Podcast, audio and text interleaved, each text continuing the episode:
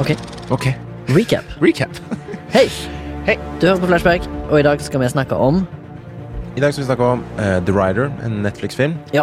Veldig lavbudsjettfilm. Som film. er blitt sendt inn av en lytter. Yes, og Vil du også at vi skal snakke om filmer eller serier eller et eller annet, så send et spørsmål, du også. Yeah, og i denne episoden så hører du eh, flashbacks eh, fra Baba som involverer spill og action, og jeg har å da ta fram en eh, litt undervurdert k- instant classic. Ja.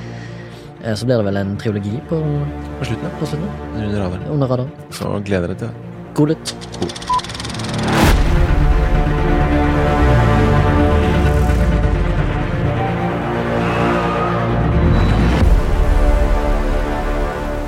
Jeg eh, var ute og jogga fordi Eller for første gang på to måneder. Fordi jeg skada jo ankelen min på jobb. Mm. Jeg jobba på en jobb. Og nå var jeg ute og jogga i eh, går, altså for lenge siden, når de som hører på denne. Uh, Å, fy faen, så dårlig form jeg var i. Mm. Jeg må bli bedre, ass. Du kjente Ja, det var helt jævlig. blodsmak i Ja, ja, jeg, Vondt overalt. Blodsmak i kjeften. Jeg var faktisk ute og jogga en liten tur i går òg, men uh, Ja, Men du var jo en sprek motherfucker, det vet jo alle. Ja, men for Var det forrige joggetur? Da var det seks kilometer. Det var liksom kanskje litt for langt, da. Mhm. Det er noen ganger jeg får sånn jævlig vondt i kneet Run, runners knee, eller? Ja, eller det er på Ikke korsbånd, med leddbånd liksom på utsida. Ah, ja, ja, ja. Helt jævlig. Nesten så jeg ikke kan gå etterpå, for det er bare sånn bare bøyer den. Så bare sånn oh! Ja. Så liksom jeg kan ikke gå tur med bikkja engang. Jeg må be Ida gå fordi jeg er bare helt ødelagt. Og så går det en dag, og så er det borte, liksom. Mm. Men uh, sånn er det å bli gammel. Sånn er det å bli gammel. Ja. hvert fall når du bikker 30 pluss. 30 pluss, som vi to. Mhm. Og Morten, da. Men han er ikke der her i dag. Det er han ikke. Han har rett og slett ikke tid, fordi han skal eh, vende snuten eh, nordover, der han er fra. Skogen. Skogens konge Skogens konge. skal nordover, og det Da, da tar man eh, solo, holder på å si, meg og deg. Ja. Eh, duo. En duo. En duo. Ikke solo. Nei. Individuell solo. Ja. En duo. ja. Jeg kaller det det. Ja, ja, ja. Velkommen til Flashback, en podkast om film og sånt. Mitt navn er Baba, og jeg er 31 år fra Oslo. Ja. 30 pluss, altså. Eh, ja. Jeg heter Remi. Jeg er 30 pluss og er fra Haugesund. Mm. Og bor i Oslo. Bor i Oslo. Mhm. Kult. Hva skal vi snakke om i dag, da? Jeg tenkte kanskje vi skulle Jeg har lyst til å gå innom noen flashbacks, og så skal jeg kanskje prøve å kapre Mortens folkeopplysning. Eh, Jeg skal ikke prøve å late som jeg er han. Jeg skal heller ikke prøve å etterligne han. Nei. Eh, Men jeg har en liten eh, En liten nugget av en informasjonsgreie som er litt sånn filmrelatert. Og så, Baba, kan vel du egentlig fortelle oss om eh, kjøtt... Kjøtt, Kjøttplan? kjøttplan Kjøttplan i dag? Ja. Jo, vi skal ha biff og ribbe og steik. Nei da. Vi skal ha snakke om en uh, film som vi anbefalt av Magnus. Magnus, en eh, lytter uh, og ivrig bidragsyter på mail. Som du også burde gjøre hvis du hører på. Ja. Ta kontakt og be oss se filmer og diskutere det. Så Ja. uh, vi skal se The Rider fra 2017. Ja. vi har sett den vi skal snakke om. Vi, har sett den, skal snakke om den. Ja. Helt 110% korrekt. Den Og er å finne på Netflix, Ja. så hvis du ikke har sett den, skru av podkasten og se den. Nei, ikke gjør det. Men vi kommer til å spoile heavy film, da. Ja. Ikke det at det er en sånn supernødvendig film for spoilers. Nei, den er jo straight forward. Men, Ja, straight men det, er, det er deilig å gå inn blind. Ja, det er absolutt. jeg gjorde. absolutt. Jeg gjorde det.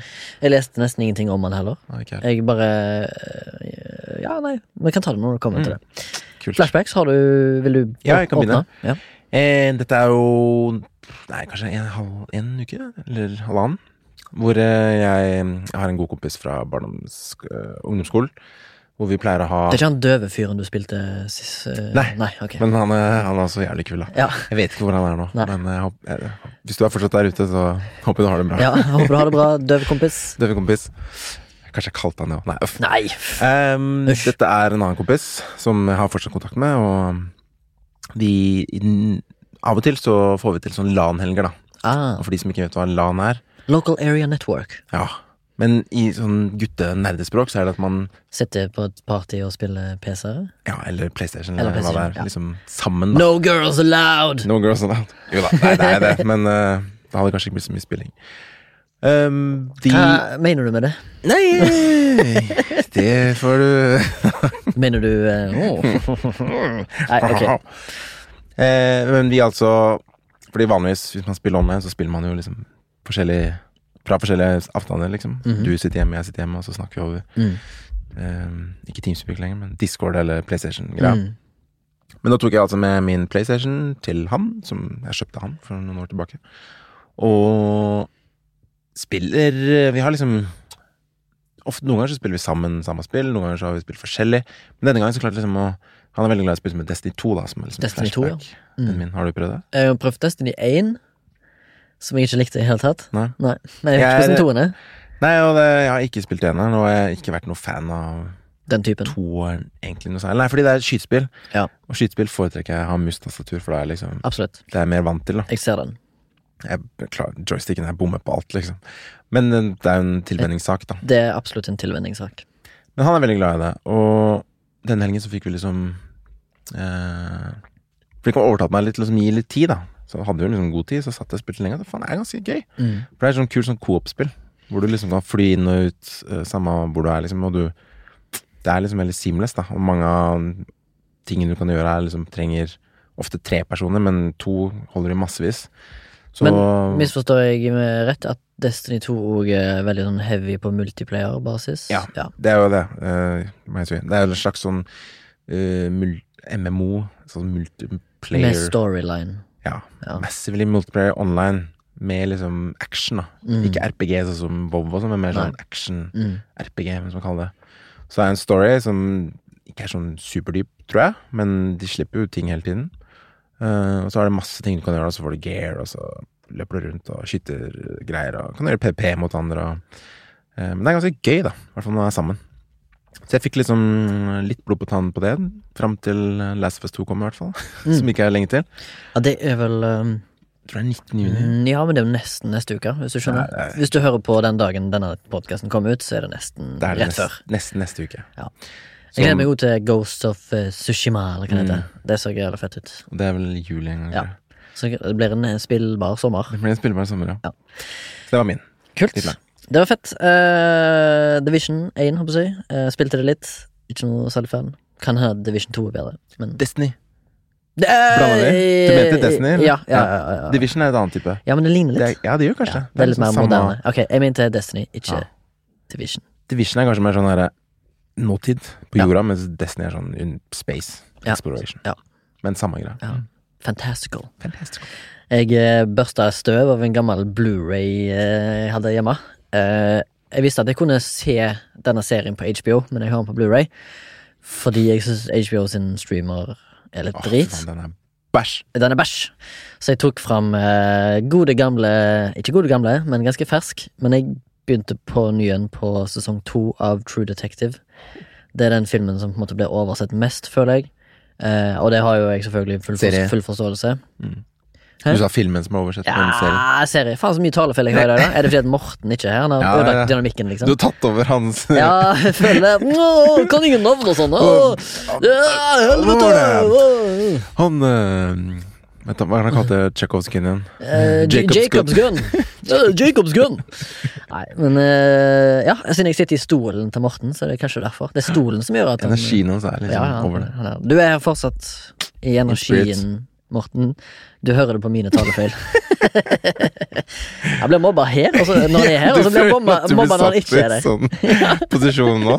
Sitter her, liksom. Ja, ja. Herregud. Eh, men uansett, jeg skrudde iallfall på min PlayStation. Mm. Jeg håper jeg sa det rett. Og så putta jeg på en Blu-ray med True Detective sesong to. Og så har jeg sett nå tre episoder av den. Og jeg syns jo det er en solid, bra, jævlig dark og atmosfærisk sesong. Eh, den har vel egentlig fått litt sånn lunken kritikk. Ikke lunken, men den har fått mindre praise enn sesong én, og det skjønner jeg jævlig godt, fordi det er jo, eh, som, for å bruke det gode, gamle uttrykket, som å hoppe etter Virkola og prøve å eh, gjøre det bedre enn sesong én Mm. på True Detective. Eh, det kan vel egentlig du også sikkert skrive under på. Ja. Baba. Jeg har ikke sett eh, sesong to, fordi Ja, på grunn av det. ikke Ja, det er jo en eh, Men de står jo på egne bein, alle sesongene. De har jo egentlig De er jo bare tematisk uh, knytta. men jeg syns sesong to eh, Jeg vet jo at eh, suksessen til Einen gjorde at eh, HBO rusha gjennom en ny produksjon for å få eh, fortsatt ri på den bølga av suksessen til Einen, og det, de har på en måte samme eh, serieskaper. Mm. Nick eh, Pizzolato, som har skrevet den. Eh, og for så vidt skrevet den siste, den tredje sesongen. Eh, han er jo en eh, Jeg synes han er en formidabel skribent. Han skriver det veldig sånn Han har sånn Iallfall sånn som jeg synes syns et sånn litt sånn tradisjonelt gammeldags preg på måten han skriver dialog på. Mm. Han skriver liksom En sånn karakterer Shakespeare-ish. Ja, han skriver karakterer som har sånn, sånn Føler de bruker jævlig mye bra fremmedord, eller sånn litt sånn ancient words, inn i en moderne setning. Og det syns jeg blir så jævlig fett, da. Og så har han en, en måte å, å bare formidle god gammeldags nihilisme på, da, gjennom det. Som for eksempel når um, Colin Farrell sin karakter Du har ikke sett det, men jeg skal ikke røpe noe heller. Colin Farrell sin karakter De snakker om et eller annet om at verden er helt jævlig, og liksom alle er bare fucked, og alle er egoistiske, alle er grusomme. Og så sier han sjøl ja, men vi har jo litt på en måte skapt det sjøl, og han sier den setningen som på en måte har blitt taglinen på hele, selve True Detective sesong to, det er We get the world we deserve. Og jeg synes bare det er en solid, bra setning, Mm. som på en måte Du vet akkurat hva som menes med det. Ja. Det betyr egentlig bare at alt er jævlig, og vi har liksom gjort det for oss sjøl. Mm. Det, ring, det føles det ringer ganske sant med Ja. måten tilstanden i Mm. verden er i dag.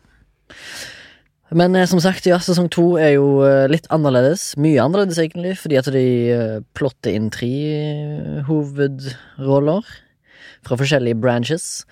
I tillegg så de, har de klart å diske opp en helt egen fiksjonell by i denne historien, som heter Vinci City. Som kan få et litt sånn der pulpy preg på det, eller litt sånn tackiness. At de bare disker opp en helt ny by, og denne byen er visstnok en sånn fristed for eh, eh, kapitalistiske exploiters og gamblingfolk, og spesielt da sånne ex... Altså, fil, eh, historien til Vinci City er liksom det at det var en sånn skikkelig sånn prohibition-by Hmm. eh, på 1920-30-tallet. Altså, så det er sånn, liksom Californias Las Vegas. Bare sånn fristed for kriminelle. Vet du hvor det er filma? Det er filma i LA-området, LA. tenker jeg, eller uh, i alle de små byene rundt, tenker jeg. Eh, fordi liksom Vinci City ble prega av liksom eh, industri, da.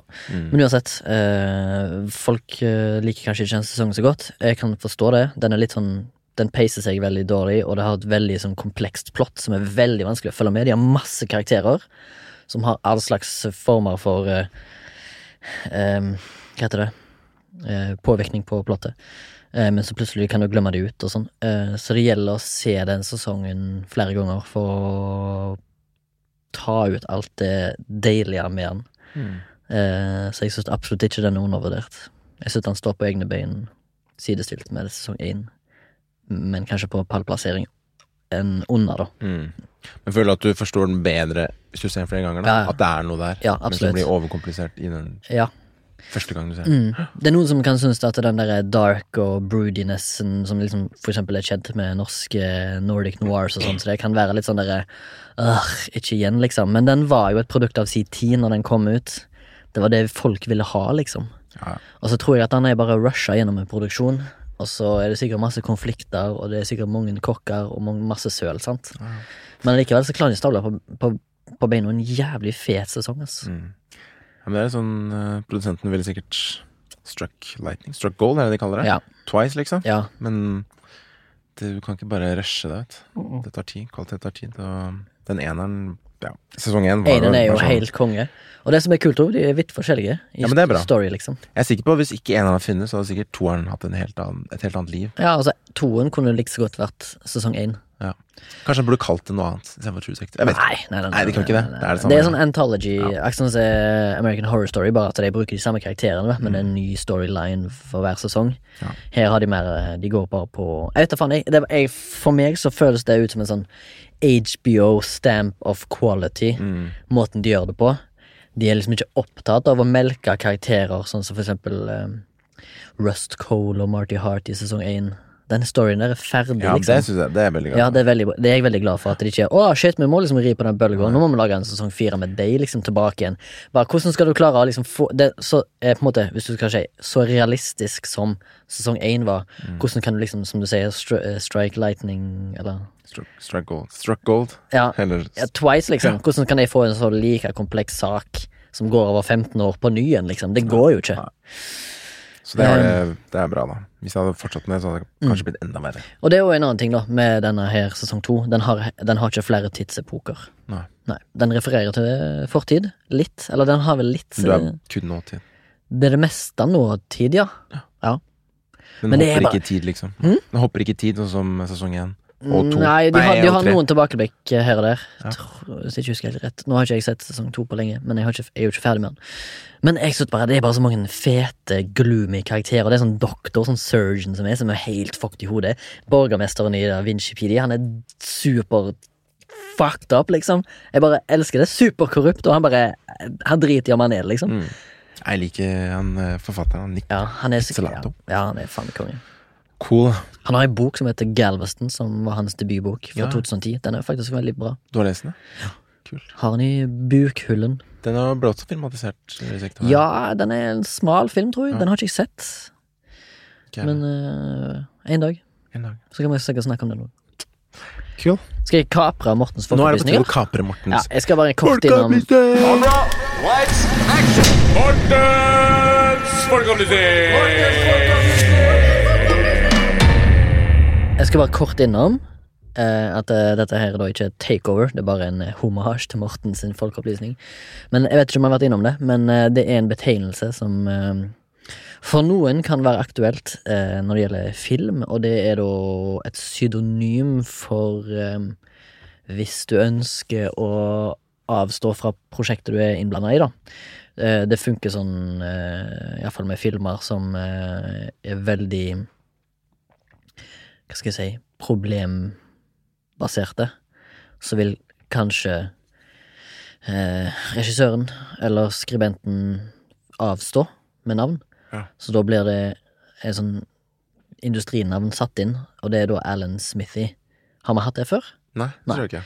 Eh, De, eh, for eksempel da eh, det- Der det kunne eh, Eksempler på der det burde ha blitt brukt, er jo den eh, Eller Josh Trank, som er da kjent for Chronicle, har du sett den? Mm. Han lagde jo The Fantastic Four Mm. eh, etterpå. Det var jo en young and up and coming eh, regissør som ble rævkjørt og overkjørt av studioet på Sony, som ødela hans visjon på filmen. Han burde jo sagt at dette her var en Alan Smithy-film, da, for han burde egentlig likt måte Eller jeg tror nok han tenkte Prøve å fjerne navnet sitt. fra Fjerne filmen, navnet sitt liksom. fra filmen, fordi at det Mm. var ikke det produktet han i utgangspunktet ville ha, da. Nei. Eh, det kan jo for det, det tror jeg faktisk alle avdelingene kan benytte seg av, eller Over hele verden, liksom. Eller blir det mer sånn Ja, nei, i, i liksom filmverden, da. Alan Smithy. Hvis du ikke har lyst til å ha ditt navn og rykte på den filmen, for det kan jo på en måte påvirke deg.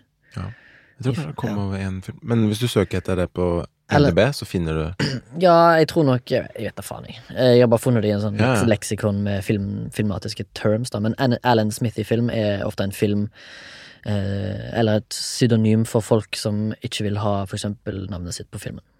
Kult. For eksempel eh, Kevin Nei, ikke Kevin, men han heter Åh, hva heter han som har lagd Seven? Morten-energien igjen. Mm. ja. David Fincher hadde det på Han burde hatt det på Alien 3. Ja, For han ville ikke. Han ble overkjørt der, for han var, han var veldig fersk og kom liksom fra reklamebransjen og musikkvideobransjen. Så fant jeg noe Alan Smithy på IMDb. Mhm. Smithy med to e-er på slutten. Yes. Mm. Står som regissør på 100, og 100 filmer. Mm. Så står det egentlig Really Christopher Lee Dos Santos, Ja. Really Ivan Gautier. Så det er ganske mange filmer som har benytta seg av en Ali Smithy-pseudonym, da. Mm. Men uh, jeg håper jo for så vidt at andre avdelinger kan ta seg av det òg. La oss si fotografen som har blitt overkjørt, for eksempel. Eller kostymøren. Nei, det Jeg vet ikke helt hva som skjedde med han Joss Trank på Fantastic Four, men Nei, han ble jo ass-fucked. For jeg føler det er en trend med um, Og det er litt knytta til det vi skal overta snakke om, om nå, eh, Baba, Mm. The Rider. Ja. Det er fordi at eh, jeg tror mange ehm, eh, liksom blodtørstige produsenter i USA og studioer de ser oh shit, se på denne her ungfolen eller denne unge dama som klarer å lage film som folk har lyst til å se. Mm. Ha! Vi kaprer de, og så underbetaler vi de, men så lager de liksom high budget filmer. Mm. Og så tenker de at de har ikke nok renommé, som for eksempel Steven Spielberg. De kunne ikke gjort det samme med han. Så tar de han, ah, shit, kan, dette her kan vi jo puppetere oss gjennom, liksom, og få de til å lage en eh, film i vår eh, visjon, og så kan vi klistre på navnet til den og den eh, regissøren som nå er populær på grunn av den og den eh, lavbudsjettfilmen de lagde året før. Ja. Og så tror jeg de bare er liksom formbare, og de har ikke liksom creative control, fordi de har sikkert skrevet under på en møkkakontrakt.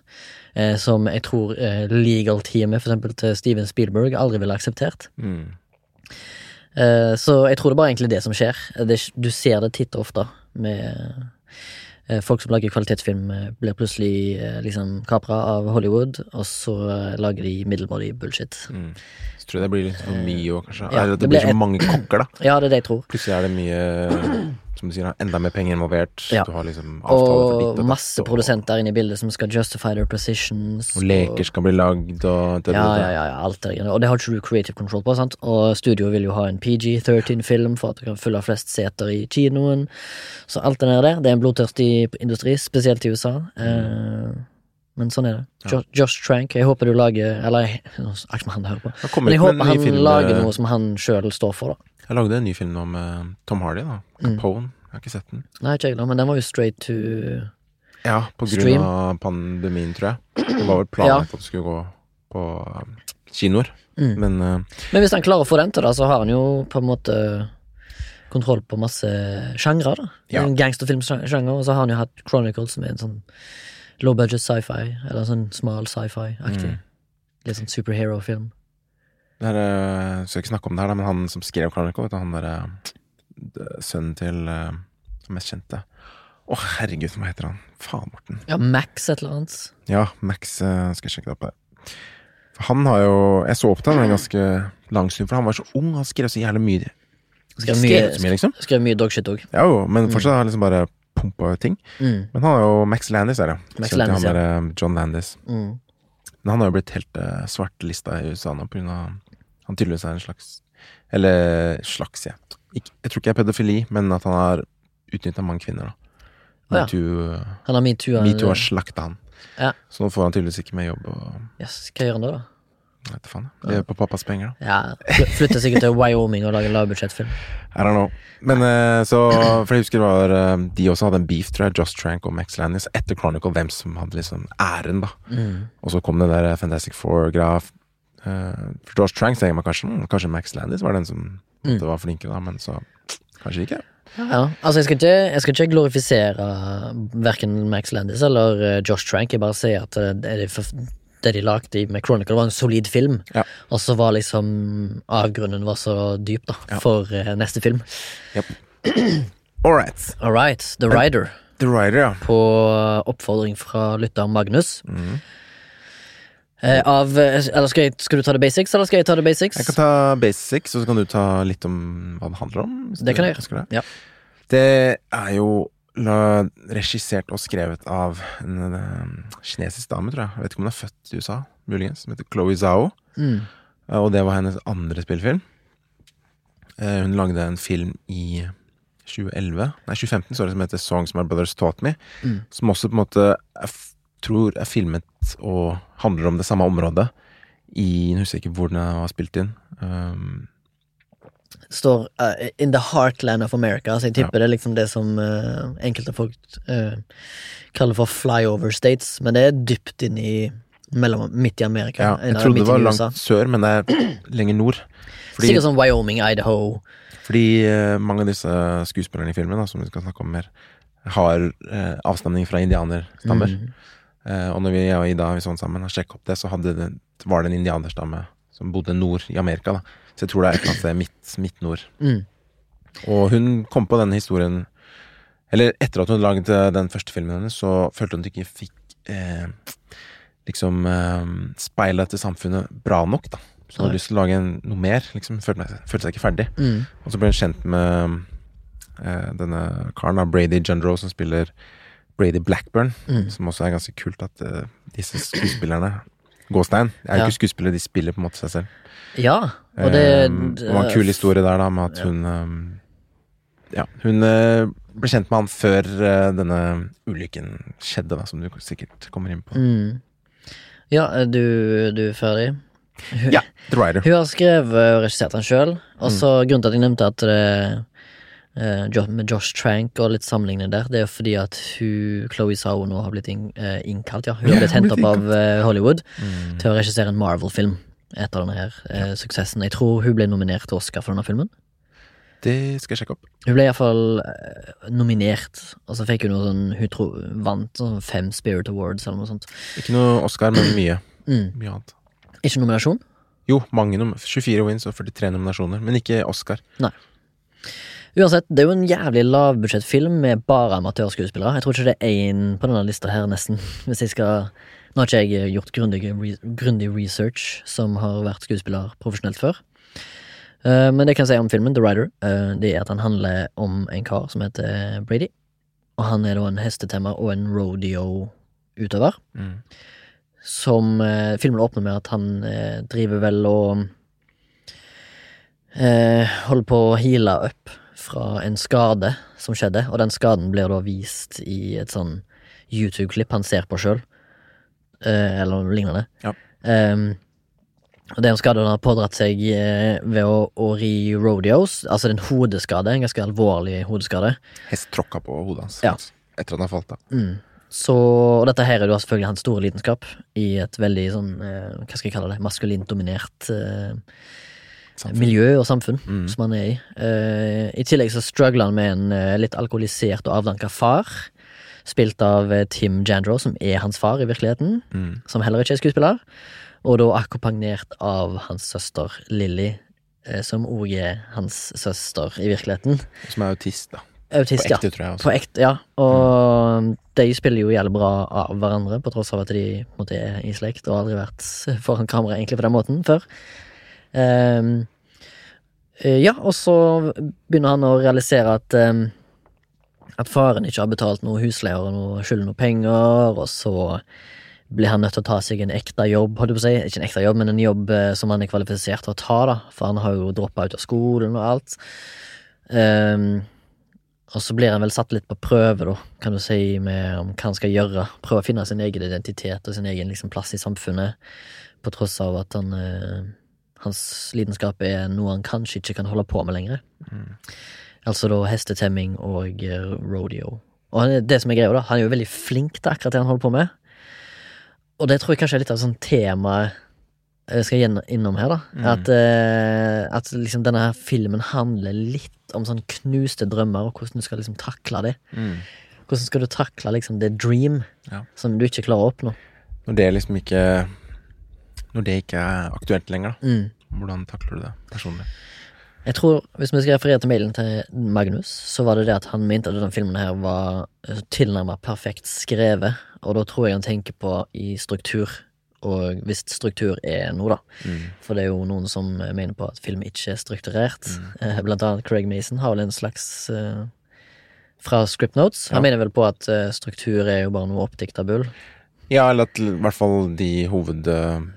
De alle mange bøkene om manus og manusskriving, og Ja. at du skal følge den og den strukturen, er litt bull, da, fordi struktur bør komme ut fra Han- Karakteren. Ja, ja, hvordan er det med den? Strukturen skal komme ut av Karakteren? Nei, ja, øh, skal vi se. Struktur er et symptom av karakterens forhold til tematiske øh, ja, Jeg husker ikke hva på engelsk, men liksom tematikken, da. mm. Uh, Tematikk uh, uh, Så hadde jeg helt stopp i hjernen. Ja, ja, men det går fint. Vi tar oss tilbake til den eh, etter hvert.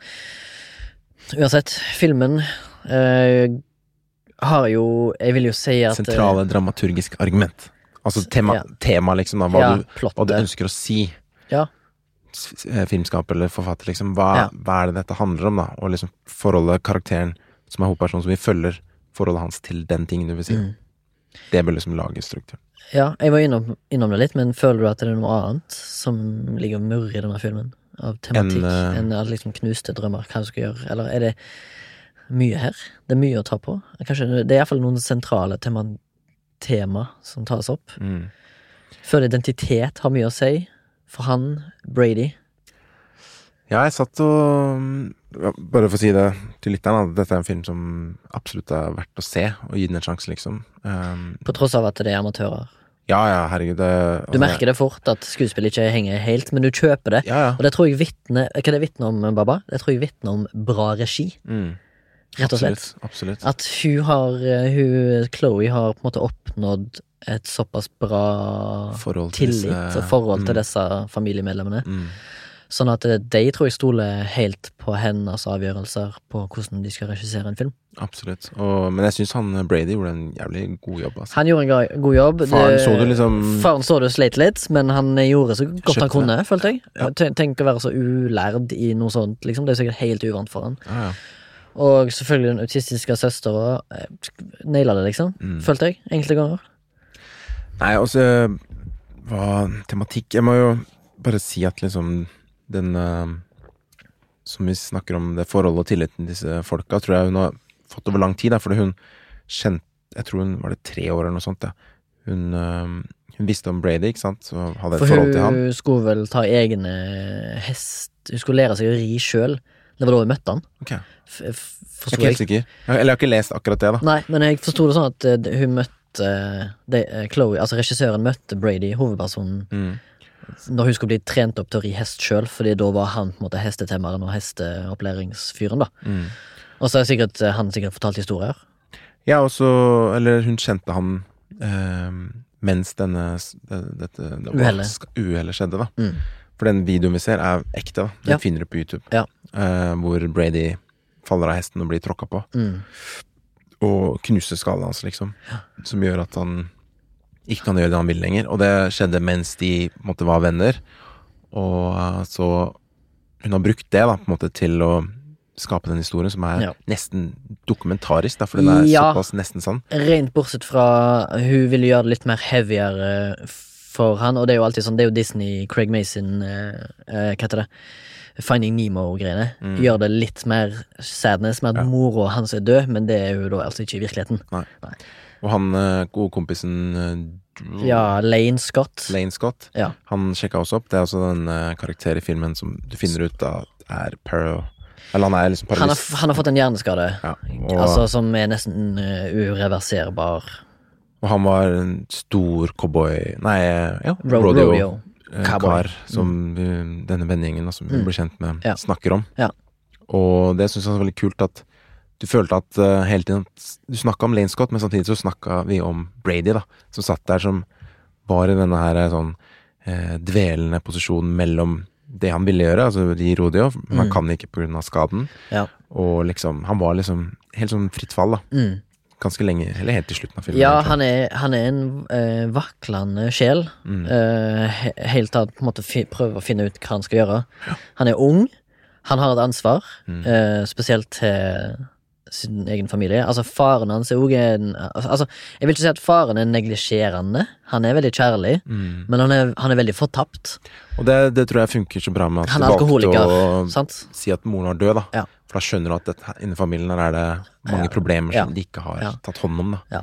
Ty- Tydelig så har sikkert mora vært en bauta i familien, sant? og så etter at hun er gone, så har liksom faren har liksom kollapsa helt. Så han bruker jo alle pengene på, På alkohol. alkohol og kvinner og Ja. gambling. Gambling, ja.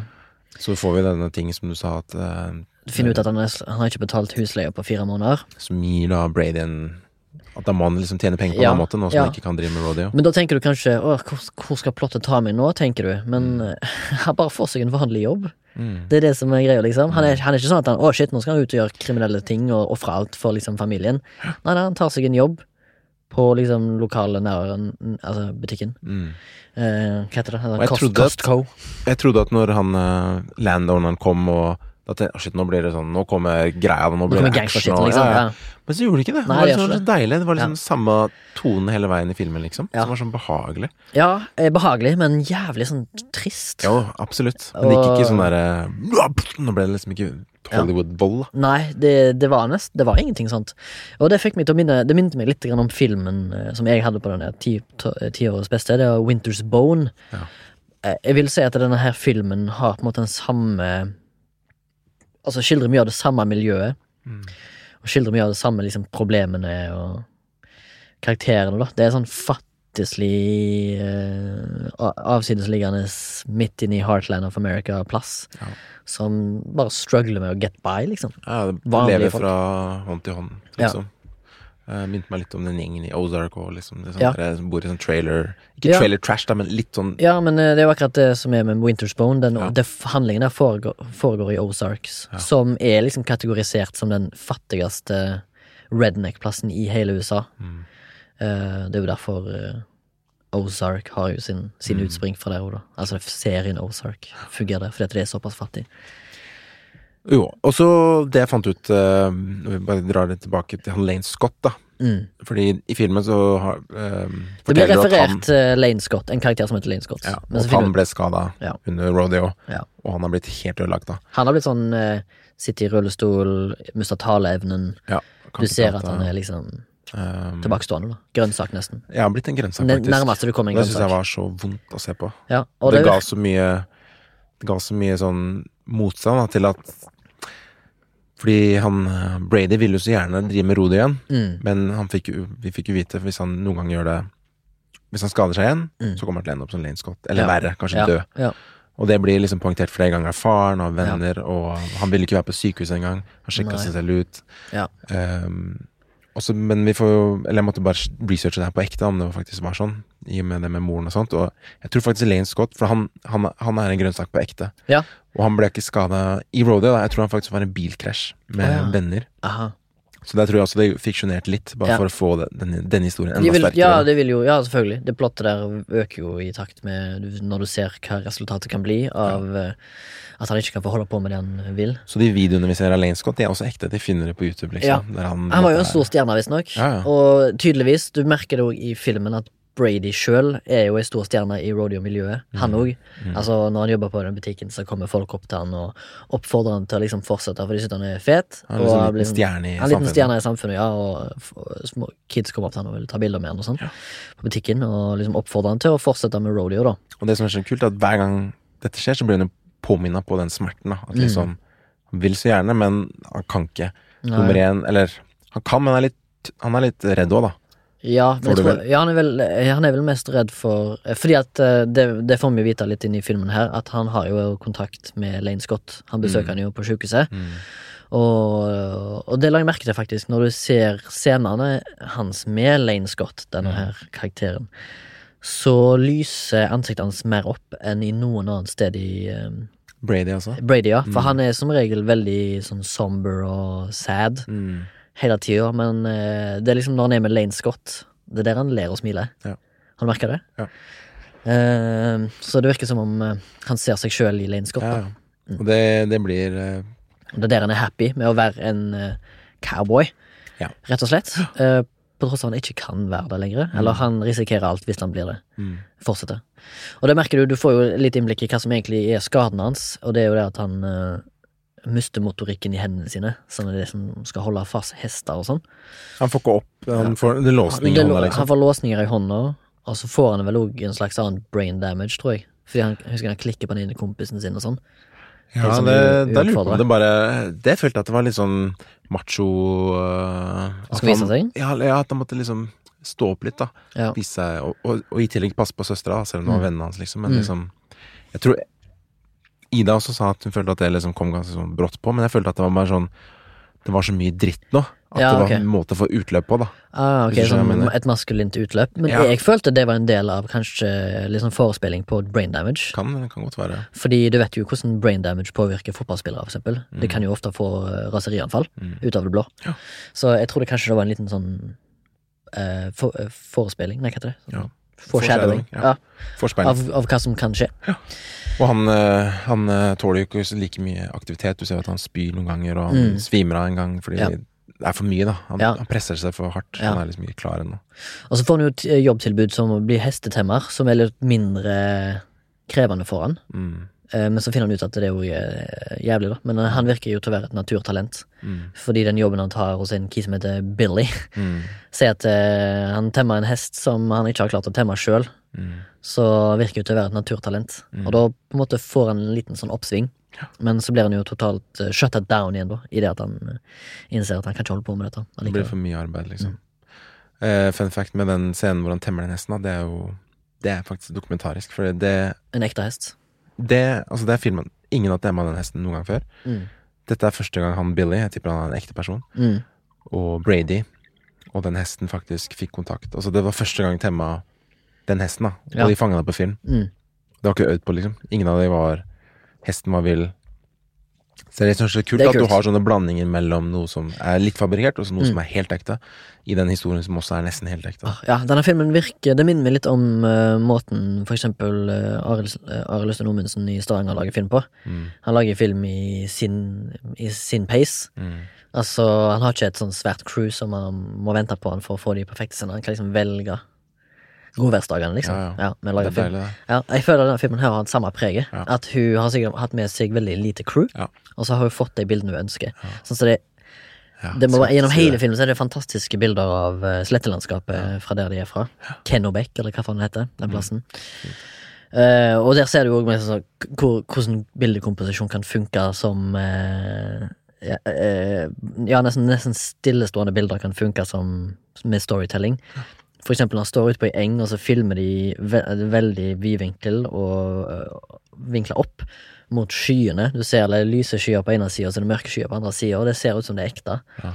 Og det er liksom, altså, liksom det, det, jeg bare, når jeg så den scenen, tenkte jeg her er det en fyr som ikke klarer å øh, vite slags retning jeg skal gå i. Mm.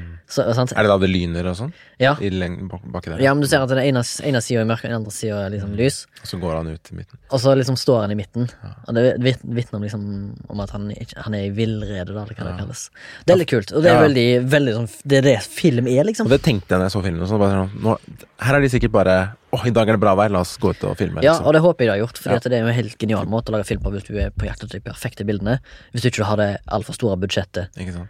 som kan ha både én og to, tre units som kan ta sånne ting. Jeg vet ikke om uh, Sondre er opptatt, men hvis han kan finne ut av hvor eh, det er filma The, The Riders, har vært kult å fått det opp på skjermen. Så kan vi Ja, siden vi ikke har gjort Bare- vår egen research. Siden vi snakker Ja, kult vår egen research. Vi må spørre The Guru. Ja, men altså, ja, da tenker jeg ja, Drit i det. Men eh, eh, hvor er vi kommet hen i handlingen vår, da? Eh, vi har hoppa litt fram og tilbake, da, men jeg prøvde å tenke litt på Har ikke gått gjennom The Hero's Journey på den filmen, her, men jeg prøvde å tenke litt føle litt av hvor Hvor det liksom føltes som det var sånn skifte, da. Men det der Mm. syns jeg var vanskelig å Ganske vanskelig å liksom analysere. Her er mye av konflikten intern òg. Ja, det her er sånn Mm. type sånn man versus man-greie. Ja, ja. Eller man versus self. At Ja. liksom, og han driver handlingen selv òg, føler jeg. Han er liksom pivotal. Ja, og så du ser jo litt grann, Litt sånn Han får jo liksom antagonistiske mot... uh, for, jeg holdt si, hva heter det? Utfordringer av blant annet faren som i begynnelsen iallfall sier liksom sånn cowboy up og være en mann, Mm, liksom. mm. Mens uh, når han faktisk kanskje nesten bestemmer seg for å prøve rodeo igjen, eh, sikkert eh, rundt eh, slutten på akt eh, to, tenker jeg, så syns jo faren han er en idiot. Mm. Eh, for å gå ut og prøve å risikere. Ja vel, hvis du vil gå og drepe deg sjøl, så gå og begynn med rodeo, liksom. Mens i begynnelsen så oppfordrer han til det. Ja. Som jeg syns er litt rart. Så det har jo en utvikling. eh, Ja, men jeg tror faren har på en måte en utvikling òg. Ja, absolutt. Eller Um, de også sammen, da. Ja. måte. De, for det, du ser jo dette med Det du nevnte, er jeg tror det er helt helt på slutten når han velger å ikke dra på rodeo, da. Og så Ja, velger jeg familien istedenfor. Ja, Helt på slutten, liksom. Mm.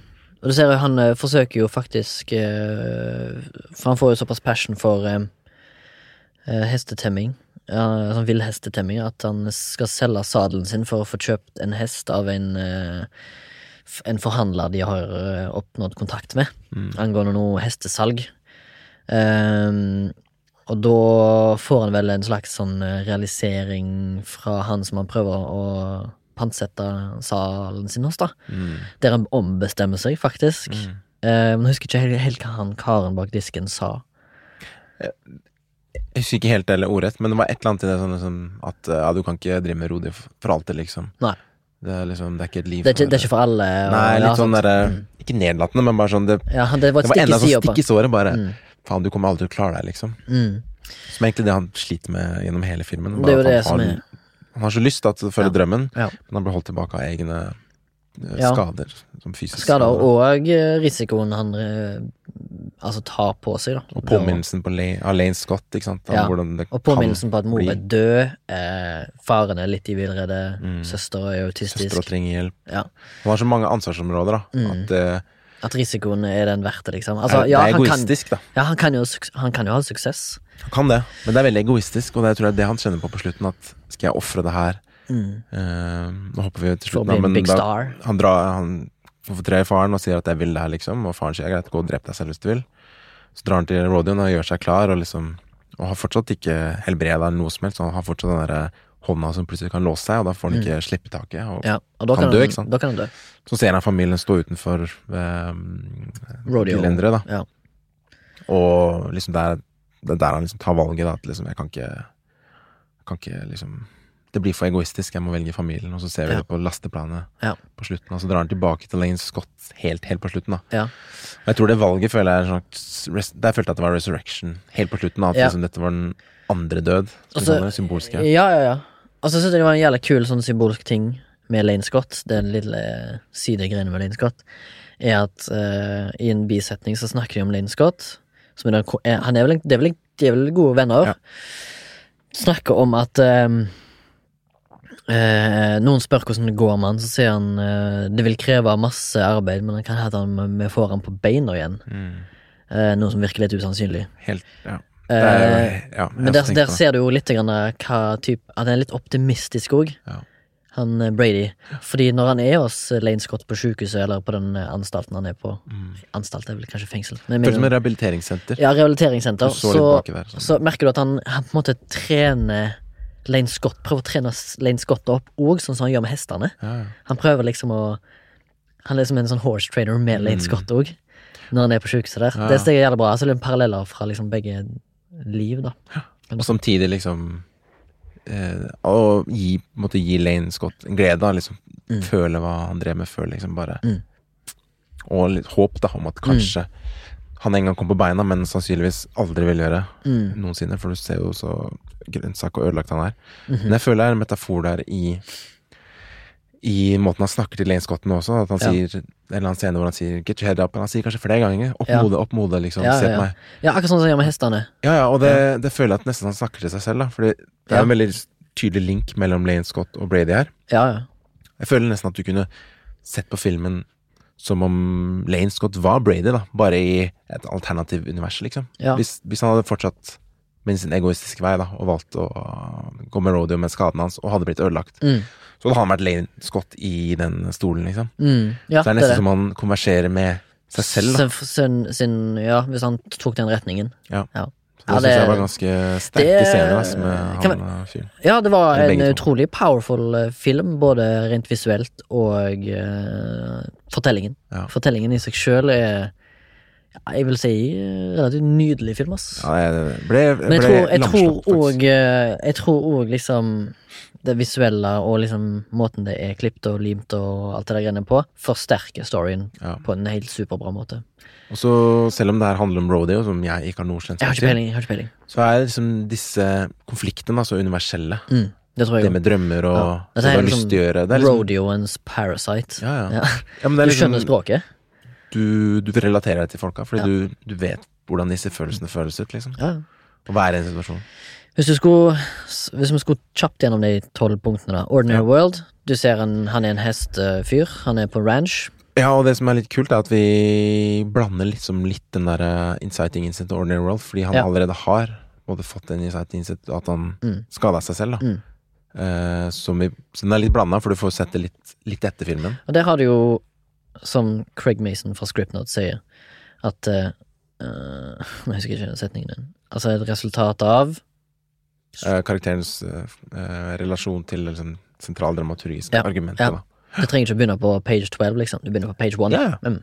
Hvis det funker, så Ja, hvis Eller hvis funker. dette er bra for Ja, men det er jo det som er storyen, da. Og det er liksom Og det er jo ingen Altså, det er jo på en måte ukonvensjonelt, Mm. på en måte. Litt, hvis du skjønner. Mm. Uh, Call to Adventure, hvis vi kan kalle det det. Det er vel um, Call to Adventure er jo på en måte Han ser på videoene av seg sjøl, og så får du jo på, en- på en måte Så blir du ganske kjapt innlemma i hans familie. Ja, jeg føler liksom at uh, Og det tror jeg er de to adventurene han egentlig caller etter, da. mm, Skjønner du?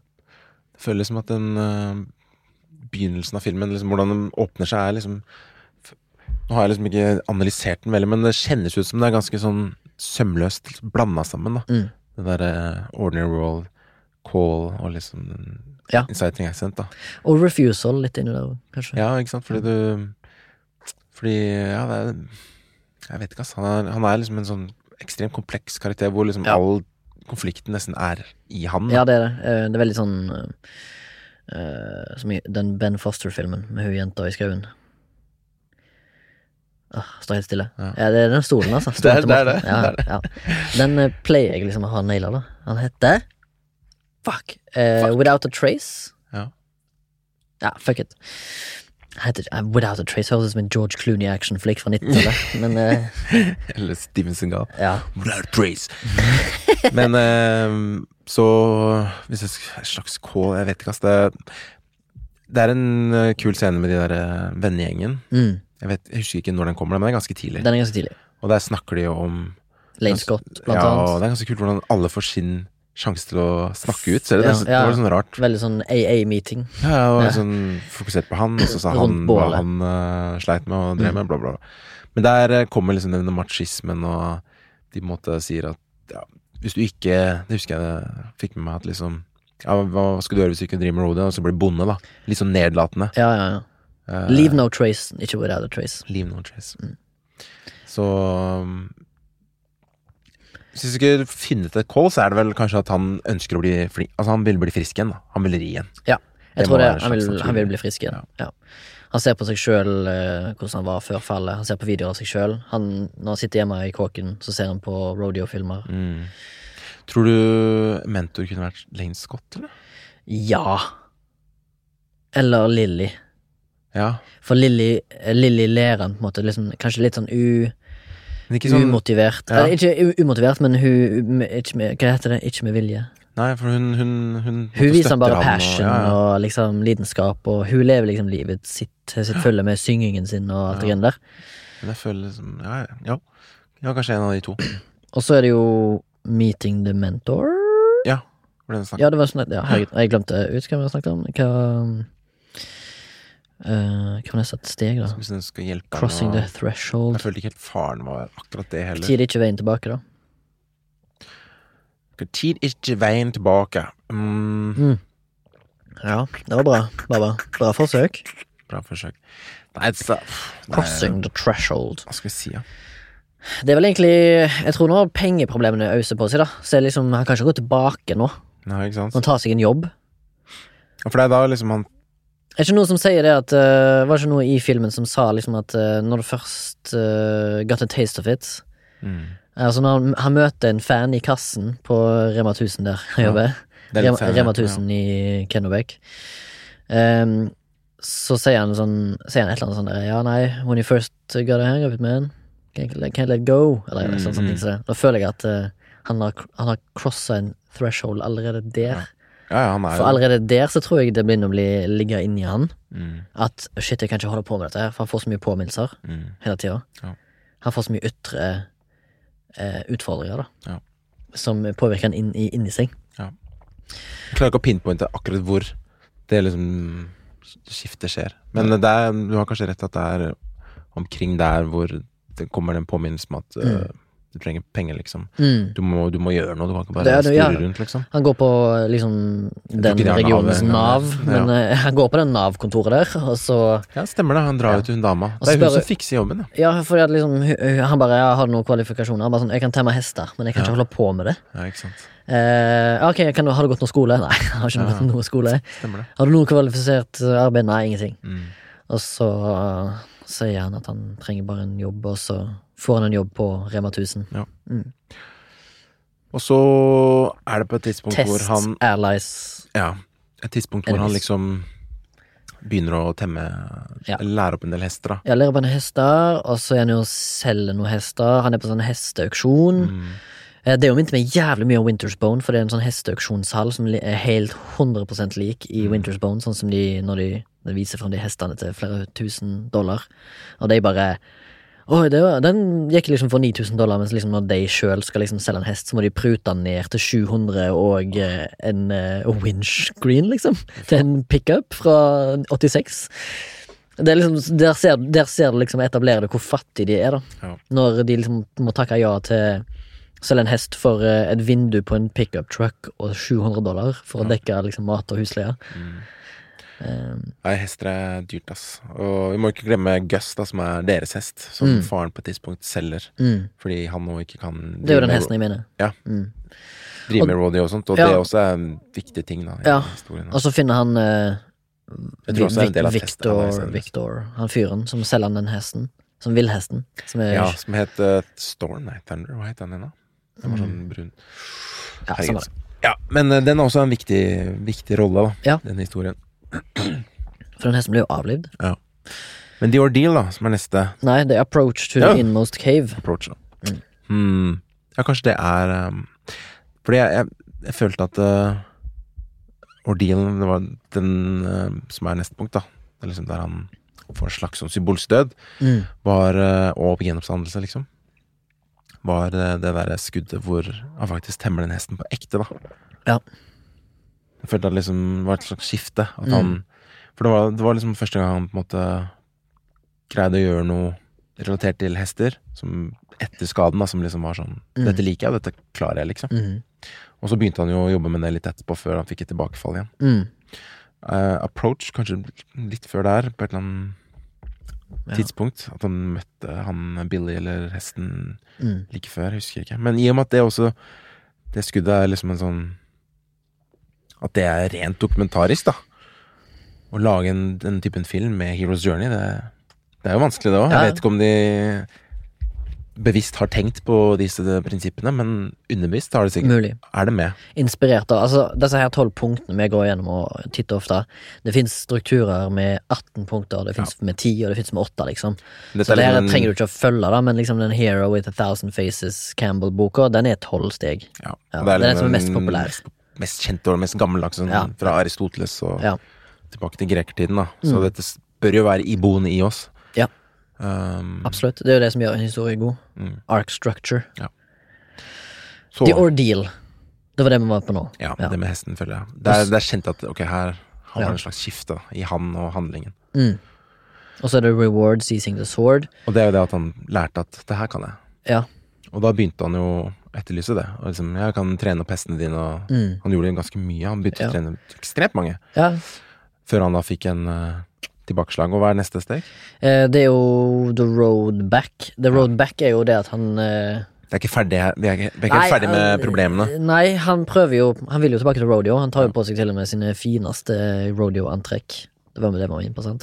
Ja. Og så selger han jo sadelen sin, det gjør han jo før det, og så Mm. bestemmer han seg fuck, jeg skal tilbake, men så innser han jo at eh, hans resurrection, på en måte Og det er også en scene hvor han gir bort eh, klærne sine til Mm. kompisen. mm. Hvor han også får sånne der, eh, macho-greier hvor skal, de skal bryte. Ja. Selv om han er skada og han nesten ikke dreper han, men han holder Eh, Ja, men det tror jeg han clencher hånden, vel, da? Eller Nei, jeg tror han gjorde det med, vikt, med vilje, faktisk. Tror du det? Ja, eller var det Ja. jeg fikk inntrykk av. Ja, ok, jeg fikk bare inntrykk av at han sånn ikke der- ville fortelle om hånda si.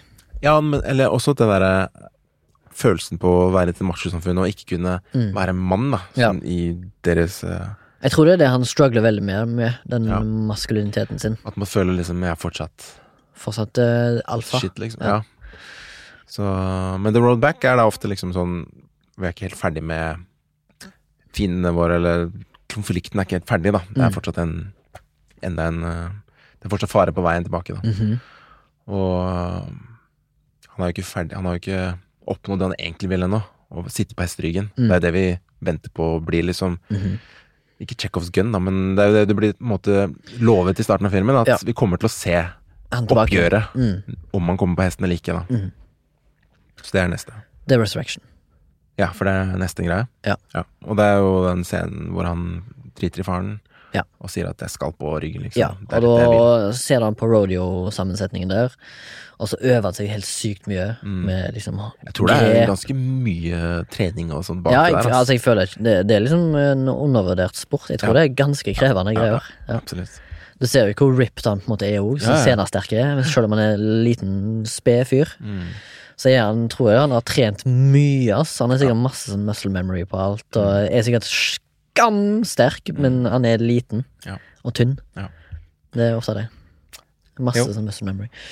Så trener er holder ja. og, og skal til å hoppe på hesteryggen, da, men Ja. velger da Og så når han ser familien Fordi at eh, i, i utgangspunktet når familien Eller når faren sier sånn Ja, gå og drep deg sjøl, Så tr han trodde vel at de skulle Han sier jo til han Ja, jeg trodde dere ville være med og se på mm, Og det liksom gir jo litt inntrykk av at faren hans Har på en måte også vært med Og liksom bedt han om å cowboy up Liksom, Ja. tidligere Og sikkert vært at- med før. Ja, han masse Han har sikkert vært med masse Før skaden, da. mm.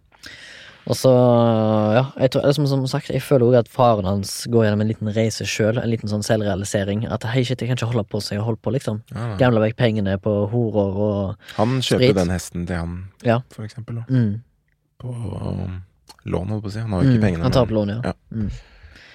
Så faren hans er jo med på Faren er vel en slags mentor, da, på en måte. Ja, det er kanskje flere her som får den kappen, da. Mentorkappen. For det kan jo være flere som bærer den hatten, Mm. kanskje. Ikke kappe. Hatt eller kappe. Return with the elixir. Yes, og det er jo Når han ser familien ja, ja, ikke sant. Og på Får sånn nikk, anerkjennende nikk fra faren. Sånn. Mm. Og så sitter de på det laste pickup-trucken Mm. og er liksom tenker på Right into nye livet, da. Eller liksom tilbake til ordinary world, Ja. liksom. Ja, det er tilbake til Ordinary igjennom. Ja.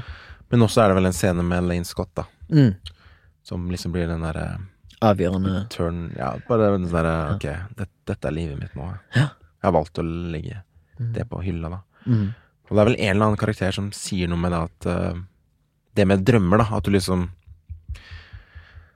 Det å på en måte jage drømmene dine så mye at de liksom spiser deg opp, at det er, det er ikke sikkert det alltid er verdt det. da Mm. At på en eller annen tidspunkt så må du bare gi slipp. Og det hadde Ja. så sykt god eller sånn tilknytning til det at han klarer faen ikke å gi slipp på hånda, eller? Den Nei, låste seg, liksom. Ja, ja, Det var så kult, da. Han, Mm.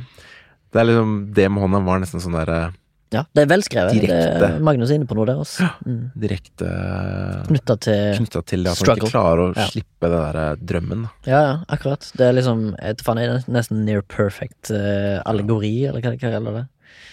Så jeg gråt ikke, men det var, uh, var sterkt, Altså. Det var noe det Det er Spesielt de der scenene med han Dane Scott. Ja. Bare Ja, fordi at det greiene der er ekte. Du kan ikke, du kan ikke acte Ah, så sjuk som han er. Ja. Så det er veldig bra Bra greier, liksom. eh, Kunne ønske det var flere sånne filmer som var liksom mer sånn Det finnes mange der ute, Baba. Det, Det gjør det- det gjør ja, nok det. Ja, men de er nok veldig, veldig vanskelig å se og få tak i Ja. og fått Altså, benytt deg mer av Vegas scene og se litt sånn mer world cinema. Smale filmer, så får du sånne historier Mm. Ja. på løpende bånd. Iallfall så gjør jeg det. Hvis du har fri en lørdag, Baba, ta, en- ta deg en tur på Vega, så ser du en film klokka ett, og så ser du en film klokka fire. Så har du en formiddag med bare kos, Ja. og så blir du ikke forhåndsdømt fordi at du er alene. Det er sant. Fordi alle på Vega går alene uansett. Nesten. Det er deilig, da. Ja, det det, det. Sånn. Matineer og sånn, det er helt konge. Er, og jeg bare tenker at å shit, på lørdag har jeg fri på dagen. Nå skal jeg faen meg bare gå og se to filmer. Mm. Og som jeg aldri har hørt om, liksom. Ja. Og så går jeg og ser det. Bare ser det. Vet ikke Ja, hva det handler om. Jeg så, eh, som sagt, i fjor så gjorde jeg det. Eh, Shoplifters, japansk. Og eh, Jonah Hill sin film eh, Mid-90s. Mid-90s.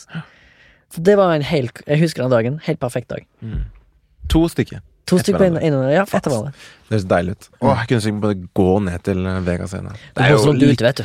Ja, det er litt mer, eh, litt mer liksom, Det er en dårlig unnskyldning, da. Ja, Men, men det, hva- hva- hvis du skulle liksom perfekt glide ned fra deg til Vega, hvor lang tid? En halvtime? 40 minutter? Med tog med bil Nei, nei, hvis alt, nei, alt kollektivt da skal funke. En time. Ja, en time, ja. Såpass, ja. Det er et heftig er stykke. men med en bil så er det 25 minutter. Ja. Men da blir det fort litt dyrere, da. Ja, det gjør det. Parkering. Men, men. Vega. Vi Vega eller Cinemateket? Cinemateket. Der har Cinemateket har jo jævlig fett, fordi de kan bare Du kan levere inn en ønskefilm, liksom. Så kan du si sånn Shit, den fikk jeg ikke med meg i 2009. Kan vi sette opp den igjen? Ja. Korrekt, korrekt. Og hvilken film hadde vi lyst til å sette opp? Castaway in the Moon. Castaway in the Moon. Det har vært kult å sette den her, altså. Ja. Faen, kanskje ikke spurt om vi setter den her. Nei, den er på Netflix, faen. Ja, ja. Men den The, The Rider også er på Netflix, for de som ikke har fått det med seg. Verdt å se. Eh, gå inn med åpent sinn og bare Mm. ta inn filmen, liksom. Nyte. Ta deg en iskald vin eller Ja. øl. Ja. Eller du rødvin. En rødvin. Og bare Ja, bare abs Mm. absorber, liksom. Ikke, ikke på telefon. Ikke Nei, sett telefonen i et annet rom på lading. Mm. Det er lurt. Cool. Skal vi Skal du levere lytteren en uh, liten dose under radaren? Det kan jeg Hvis gjøre. du har lyst? Det kan jeg Eller gjøre. nesten du er nesten forplikta? Jeg har forplikta. Mm. Jeg kom på at uh, dette er jo en trilogi, da. En trilogifilmserie Okay. av eh, Richard Linklater. Som kanskje har hørt om den? Before Ja, men jeg har, jeg har ikke sett denne trilogien. Nei. Dette er da altså tre filmer som ble laget uh, med ni års mellomrom. Eh, du kan godt sjekke opp når, eh, hvilket årstall. Siste var 2013, hvis vi bare går bakover, da. Så ble det vel 20, 2004? 1990 Nei, jeg klarer ikke 2006, å regne. 2006? Men altså, dette er Before Sunrise er den første, og så er det Before Sunset Mm. og Before Midnight, da. Eh, som er en slags drama med romantiske Ja, er Toner med eh, Ethan Hawke og Ethan Hawke. Julie Delpy Mm. i hovedrollene. Som er ganske sånn eh, Jeg så, jeg så de aleine en gang, bare sånn Jeg hadde de på harddisken, dessverre. Ja, altså, jeg digger Digger det var så liker det, altså. jævlig voksen og sånn bra historie. Det var ikke, det var ikke sånn klisjéfylt med romanse, liksom. At det var sånn alltid ender godt. Det var Mm. liksom relaterbart, og forsto hvor vanskelig kjærlighet egentlig kan være til tider. da Mhm. Og at ikke det alltid ender godt, og det er bare dritvanskelig. Eh, som da vi følger disse, tre, disse to karakterene gjennom uh, alle tre filmene. Og Mm. det er ni års mellomrom i filmen. Og Han har en tendens til å gjøre sånn, han Richard eh, med den der Linklater. Ja, Boyhood. jævlig flink regissør, ass. Ja, og han flink til å lage drama. Eller egentlig film generelt. Mm. Som i den første filmen handler om at disse to møtes da på en togtur til Vienna. Mm. Og alle filmene er Handlingen er bare satt til noen timer, da. Det er veldig sånn Du bare får et innblikk i livet deres. Ja. Dis, Det er kult. disse. Det synes jeg er veldig kult. Det er mange lange tagninger og veldig dialogfokusert, da, men bra Mm. dialog, liksom. Mm. Jeg har skjønt at Ethan Hawke og Julie Delp har vært med, mye med i utviklingen av manusene og sånt da, Ja. i filmene. Han har tydeligvis uh, sikkert Han må jo ha nesten samtidig ord og filma boyhood-sekvenser. Ja. Siden han har Ethan Hawke der òg. Ja, ikke sant. Så um, Eller har han det? Ja, det har han. Mest sannsynlig. Mm. Uh, så den har jeg har sett den trilogien to ganger. da Først aleine, så tok jeg med Ida for scenen, for jeg syns den var så bra, liksom. Den høres Altså, det, du er ikke den Du er sikkert no- person nummer 58 som har sagt at de bør se den. Og hver film liksom er dritbra. Det er ikke noe sånn eneren og så toeren er ikke så bra, og så treeren. Det er liksom alle leverer på kvalitet, da. Ja. Og alle er en føles originale, og, men du Det er deilig å liksom møte den, den, den gjengen igjen, da. Mm. Eh, men i første så blir de kjent på togtur, og så blir det liksom en natt, da. Så for eksempel Before Sunrise. Mm. Så går de rundt og blir kjent med hverandre og blir veldig forelsket i hverandre, men de tror ikke at de kommer til å møte hverandre igjen. Så derfor så forteller de ganske mye om seg selv og bare er veldig åpne, da. Mm. Og veldig unge, og hun tror jeg studerer mens han skal skrive en bok, eller noe sånt. Eh, Begge er single. Og så antyder Du ser det ikke, da, men det antyder at de har sex, en seksuell omgang. At de har Er du leder, eller? Er lytterne våre Ja. barn? Og så, når de skal omgang. forlate hverandre på morgenen, da Det har liksom vært hele natta, gått rundt i Vienna, og ekstremt fin by og bare Wien, liksom? Wien, Ja. ja. Vienna. jeg tenkte kanskje Vienna var en by i California. Ja, nei, Wien på norsk. Og så bestemmer de seg for ikke å gi hverandre noe telefonnummer eller e-post. Bare sier sånn Nei, om seks måneder så møter vi her på samme tid, liksom. På Ja, ja. Ja. Og så går det ni år, da, før neste film kommer. Ja. Og da er det real time ni år senere? Ja, ja. ja okay. Som er så jævlig kult. Eh, og da har ikke de møttes. De møttes ikke, og vi møter han Ethan Hawke i Paris, hvor hun Julie Delpy bor, tror jeg. Eh, eller er fra. Hun, jeg tror, mener hun var fransk, ja. Hvor, hun, hvor han har skrevet en bok, da. For han skulle ja. bli skribent. Og han har skrevet om denne, dette møtet, da. Ja. Og sitter en sånn gjeng der på boklansering, og han driver og signerer, og så spør folk ja, møttes dere igjen, og det er liksom helt sånn Sånn sånn, så ser hun Så ser han henne, da. Sitte, være der, en av de som ser på. Mm. La meg gjette dramaturgisk her. Ja. Han er gift. Han er gift. Yeah! Og han har I barn. fucking knew it. Hun har en kjæreste, et eller annet. ja. Og så, ikke sant. Mm. Og så går de rundt og snakker om dette nå, da. Så det er liksom en ny situasjon. Og, Og det var nye utfordringer. Before uh, Sunset. Before Sunset. Så dette går fra liksom morning til Ja. kveld. Da. Ah, Og, men han, uh, publisheren hans sier at du må rekke dette flyet i kveld ja. for å komme tilbake det til USA. måte ja. Og han bor i USA, som er langt fra Europa. Og så går de rundt og prater om liv og sånne ting, og så igjen rekindler, da, fordi Mm. De har ikke sett hverandre på ni år, men det, det var en veldig sterk kjemi der, og det, liksom, det som kunne ha vært, da. Og så, på slutten Spoiler jeg mye, da, men uh, så sier de at uh, han kommer ikke til å rekke det flyet, for han drar hjem til leiligheten hennes hvor hun spiller en sang. Har de og- seksuell omgang igjen, eller? Ikke her. Men jeg synes det er ganske fint. Jeg liker egentlig ikke sex på film. Jeg synes det er kleint. Av og til. Ja, men du, den uh, Don't Look Now, Den er en ganske kul sex. den sexen er relativt grei. Ja Det bør ha en, et formål, Ja. ikke bare for å I tillegg så fikk jeg nå referert til Don't Look Now, for jeg følte det var lenge siden sist. Nice. Deep Law. Deep Lore. Og så er vi ferdig i den trilogien. trilogien. Han blir der, liksom, og han mister flyet. Ja. Og så vet du hva som skjer. Nei. Ni år senere så har de igjen laget en ny film, da. Og Som da heter Before Midnight. ah, Så da har de Nå er de gift. mm. Eh, vi møter sønnen fra ekskona. Mm. Er det han i Boyhood? Eh, nei, det er ikke det. Hadde vært kult da han var sånn internett Som eh, må hoppe tilbake fram og, mellom Chicago og der de bor nå i Jeg vet ikke hvor det bor, men denne handlingen er i hvert fall satt i Hellas. Eh, Ah, og de har har- to tvillinger, Ja. og de er hos en par vennefamilier på et flott hus i Hellas. Og så har de ordna sånn at de skal få en kveld aleine på et sånt hotell. da Så Mm. de drar dit uh, i løpet av denne dagen. Og igjen snakker om nå, problemene nå, da, nå som de har barn og bla, bla. Og så kommer det opp på hotellrommet, så liksom de skal til å ha sex, men så kommer det masse sånn Seksuell omgang, eh, takk. seksuell omgang, beklager. Mm.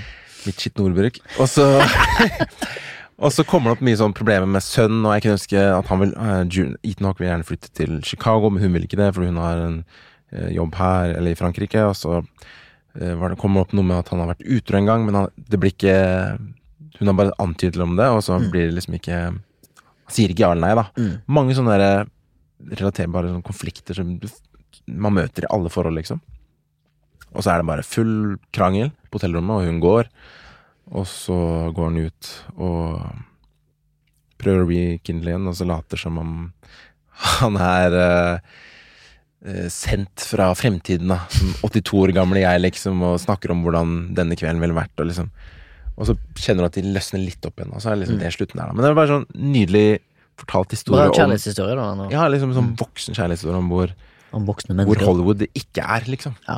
Ikke alt er nydelig. Cool. Den var lang, men eh, det er jo tre filmer, og Ja. veldig verdt å se. Denne podkasten er produsert av Soundtank. Eh, Sondre F. Myhrvold eh, sitter bak spaken og ordner lydarbeidet. Ja. Er vår Og- guru. Hvis du ønsker å ta kontakt, send en mail på flashback at soundtank.no, eller kontakt oss på Instagram, flashback podcast, Ja. eller på Facebook. Yes. Eh, vi tar òg imot eh, bidrag eh, som hjelper oss økonomisk. Gjør vi ikke Mm. det, Baba? Det gjør vi, og da er det bare å søke opp Soundtank på Vips Mm. Og da finner du uh, Forside Milf og Flashback, som Yes. begge er produsert av Soundtank. Oh yeah. De er, Og- de er kloke gutter her, som Ja, ja. driver og Ordner og styrer. ordner og styrer. Ja, flinke lydfolk. Eh, så ta kontakt. Eh, Og ta kontakt med Soundtank hvis du trenger hjelp. takk for Eh, Lege. Vi høres.